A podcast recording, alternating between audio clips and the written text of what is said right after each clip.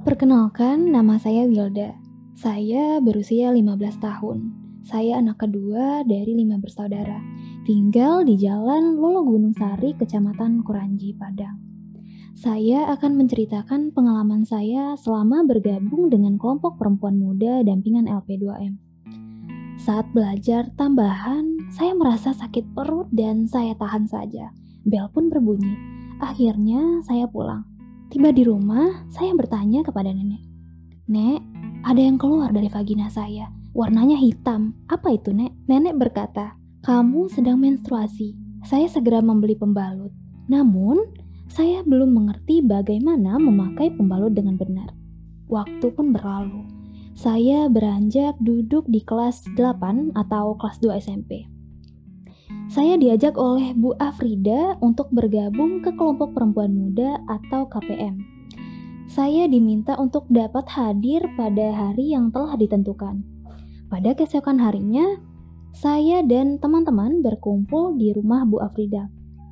Lalu, kami diajari tentang pentingnya menjaga kesehatan reproduksi atau KESPRO.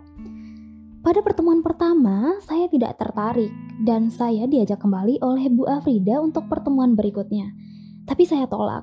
Akhirnya, Bu Afrida menceritakan perihal ini kepada mama saya. Bu Afrida adalah kakak dari mama. Beliau anggota kelompok Gunung Saria Sayo dampingan LP2M. Mama menyuruh saya untuk mengikuti kegiatan kelompok tersebut dengan terpaksa, saya mengikuti pertemuan KPM itu. Setelah berkali-kali saya mengikuti pertemuan, saya mulai tertarik dan baru memahami pentingnya kesehatan reproduksi.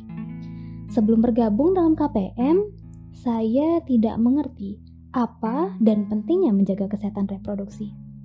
KPM Permata Bunda, begitu nama kelompok yang disepakati anggota. KPM ini yang berdiri pada pertengahan tahun 2018 beranggotakan 10 orang dan terletak di Kelurahan Gunung Sariak, Kecamatan Kuranji, Kota Padang. Di KPM ini, saya dipercaya menjadi bendahara kelompok. Pertemuan KPM dilaksanakan satu kali dalam satu bulan, dengan materi dan pembahasan yang berbeda-beda seperti bagaimana cara menjaga kesehatan tubuh saat haid, pentingnya gizi untuk pertumbuhan remaja, bahaya narkoba bagi remaja, dan belajar tampil percaya diri di depan umum. Selain di KPM Permata Bunda di Kelurahan Gunung Sariak, dibentuk juga kegiatan literasi Minangkabau. Di sini juga ada kegiatan-kegiatan yang bisa diikuti seperti randai, kasidah, talempong, tarian Minang, dan Taman Baca Buki AC.